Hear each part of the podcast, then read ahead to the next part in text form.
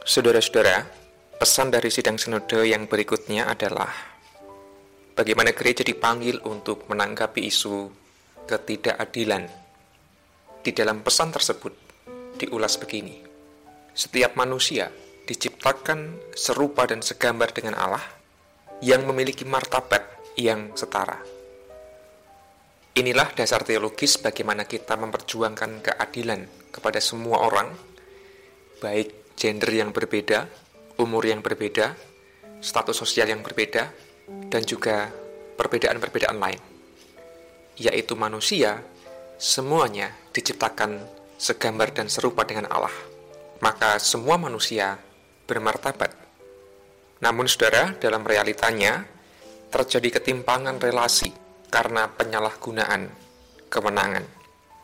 Lalu kemudian di dalam masyarakat terdapat kelompok-kelompok rentan, kelompok-kelompok yang lemah, yang sering kali menjadi korban ketidakadilan.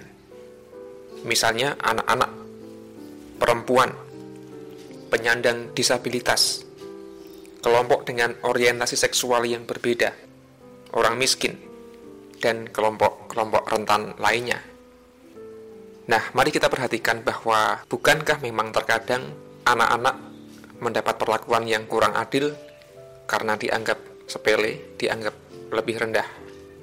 Perempuan juga masih sering kali dianggap sebagai subordinat laki-laki. Laki-laki yang lebih utama, perempuan ada di bawah laki-laki misalnya.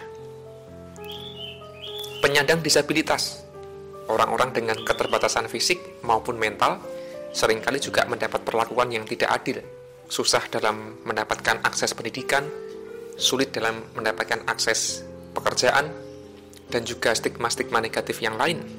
Orang-orang dengan orientasi seksual yang berbeda, di mana manusia menganggap heteroseksual adalah satu-satunya orientasi yang benar, lalu orang-orang dengan homoseksual atau biseksual dianggap lebih rendah dan mendapat perlakuan yang tidak adil di berbagai macam tempat, bahkan termasuk di gereja. Ini juga masalah yang harus kita renungkan. Orang-orang miskin, jelas orang miskin adalah kelompok rentan yang sering kali mendapat perlakuan yang tidak adil. Ada banyak kebijakan pemerintah, ada banyak kebijakan bahkan gereja sekalipun yang tidak pro orang miskin dan kelompok rentan yang lain. Nah, saudara-saudara, Sinode GKJ dalam pesan sidang ke-28 memberikan beberapa saran atau masukan kepada kita semua. Yang pertama, gereja dipanggil untuk membangun komunitas gereja yang ramah terhadap anak dan memenuhi empat hak anak, yaitu hak hidup, hak bertumbuh dan berkembang, hak berpartisipasi, dan hak mendapatkan perlindungan. Nah, menarik untuk kita renungkan bahwa gereja semestinya memang menjadi komunitas yang ramah anak. Ada banyak gereja yang kecenderungannya adalah ramah kepada orang tua, gaya ibadahnya bernuansa orang tua, PA-nya bernuansa orang tua, lalu organisasinya bernuansa orang tua, penataan gedung dan tempat ibadah juga bernuansa orang tua, sehingga anak-anak menjadi pihak yang kurang mendapat perhatian. Itu yang pertama. Yang kedua, gereja dipanggil untuk memberikan ruang berpartisipasi dalam pengambilan keputusan dalam semua aras. Dari aras jemaat, aras kelompok, komisi, panitia, tim, majelis, dan seterusnya, harusnya ada ruang partisipasi yang luas. Bukan berarti kemudian semua orang harus ditanya satu-satu, namun berbagai kalangan, berbagai generasi, berbagai gender perlu kita perhatikan suaranya, perlu kita perhatikan kepentingannya, agar segala kebijakan memenuhi prinsip-prinsip keadilan. Tentu keadilan bukanlah sama dengan membagi semuanya secara rata bagi semua orang. Namun keadilan juga berarti memperhatikan setiap kebutuhan pihak-pihak tertentu, lalu memberikan apa yang menjadi kebutuhan itu secara proporsional yang butuh diberi banyak ya diberi banyak, yang butuh diberi sedikit ya cukup diberi sedikit, asas proporsional. Nah, itulah keadilan. Yang ketiga, gereja dipanggil untuk membangun komunitas gereja yang ramah terhadap para penyandang disabilitas, dan memberi ruang untuk berpartisipasi aktif dalam pengambilan keputusan. Gereja yang ramah terhadap penyandang disabilitas bukan sekadar menyediakan jalan untuk kursi roda, pegangan tangga, atau toilet duduk misalnya. Ya itu tentu saja baik dan penting. Namun juga gereja perlu ramah terhadap penyandang disabilitas. Nah ini kesadaran yang perlu dimiliki misalnya ketika ibadah, ketika ada orang yang mungkin tunarungu, tidak bisa mendengar.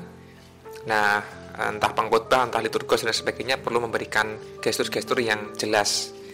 Misalnya ketika mengajak berdiri, ya dengan tangan yang mengajak berdiri begitu, supaya yang tidak bisa mendengar, oh bisa melihat. Atau sudah ada banyak gereja yang menggunakan penerjemah dengan bahasa isyarat dalam video-video ibadahnya, agar para penyandang disabilitas juga bisa mengerti. Yang keempat, gereja dipanggil untuk melawan berbagai bentuk diskriminasi terhadap kelompok rentan. Katakanlah dalam lingkungan sekitar ada kebijakan-kebijakan yang mendiskriminasi kelompok-kelompok rentan, entah anak, entah penyandang disabilitas, entah orang miskin, entah orang dengan ragam orientasi seksual. Nah, gereja dipanggil untuk memperjuangkan keadilan, tentu dengan langkah-langkah yang bijaksana.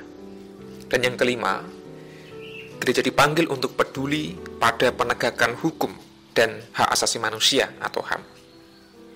Nah, saudara-saudara, itulah bagian dari pesan sidang Sinode GKJ yang ke-28. Isu yang diangkat adalah ketidakadilan.